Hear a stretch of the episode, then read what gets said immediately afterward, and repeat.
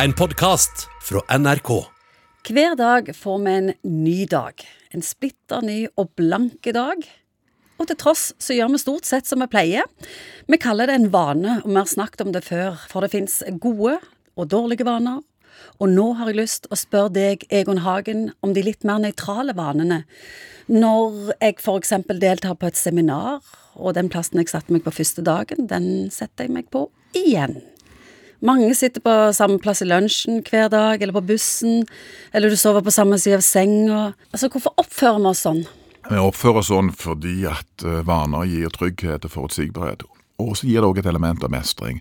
Når jeg sitter her, så har jeg liksom kontroll. Jeg har alltid sittet her, og dette er liksom min plass.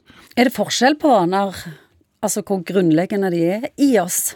Ja, Noen vaner akkurat det der, du kan jo sikkert, eh, Hvis du er på en konferanse, så kan du sikkert tolerere at det er noen som har satt seg på din stol, men da, må du liksom jobbe opp en ny vane. sant? En, ny stol som blir din. Så, sånn at de, Disse tingene sitter ikke så djupt. Men så er det andre ting, som at det er f.eks.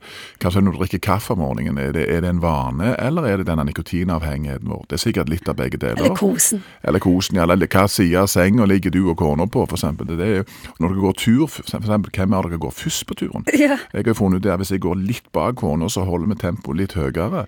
Hvis jeg ligger først, så er ikke alltid det står like heldig ut. Er det noen vits i å problematisere dette med vaner? Bare, er det bare greit å gjøre som vi pleier?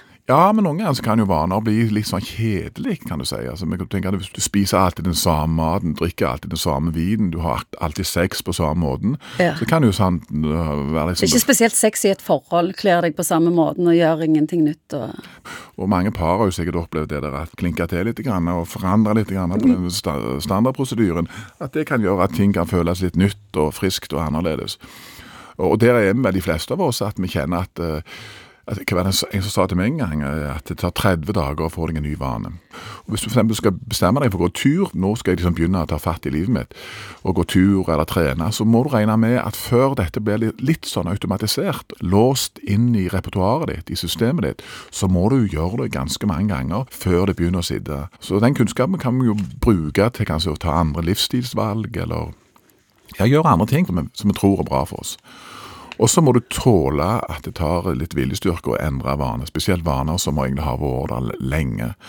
Og Noen ganger kan jo vaner bli direkte unoter. Sant? Altså Du gjør ting som du aldri er blitt speila på. Vi lærer jo de fleste at vi skal tygge maten med munnen igjen, men så har jo faktisk vært sammen med folk som ikke har fått den grunnleggende oppdragelsen. Og da er det jo en vane som det kan være en fordel for så ja, å gjøre noe med. Hva oppnår vi mentalt med å endre vane og atferd? Vi kan oppdage at vi er i bevegelse, at liksom livet er som ei elv, faktisk. Det er liksom ikke en støypt stålbjelke hvor alt er likt, men at det er ting i bevegelse, og vi kan liksom overraske oss sjøl. Hvis du, du har en vane at du ikke smiler så mye, så kan du plutselig bestemme deg for at jeg skal prøve å smile mer, litt sånn som du gjør. Så, så vil du jo oppdage at kanskje verden forholder seg litt annerledes til deg igjen, og du får litt tilbake igjen, faktisk. Så det er på en måte å, å riksle litt grann, og, og si ok, kan, må jeg være sånn? Kan jeg prøve det heller? Tanken på at du kan bli annerledes, at du kan liksom reboote hele systemet noen ganger. Vi besitter en enorm makt over oss sjøl, egentlig, hvis vi bare vil. Det gjør vi, vet du. Og eh, vi slår jo et slag for å være i bevegelse og være nysgjerrige og si at ok, er det andre måter å leve dette livet på? Eksperimentere litt med de vanene.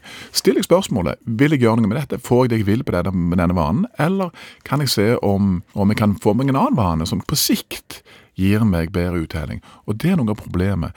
At mange av de gode vanevalgene de gir ikke payoff sånn med en gang, men de gir utbetaling litt over tid. Altså litt i forhold til livsstilsvalg, trening, alle de tingene, eh, mat og alt dette.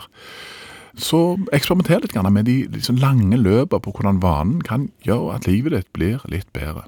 Du har hørt en podkast fra NRK. Hør flere podkaster og din favorittkanal i appen NRK Radio.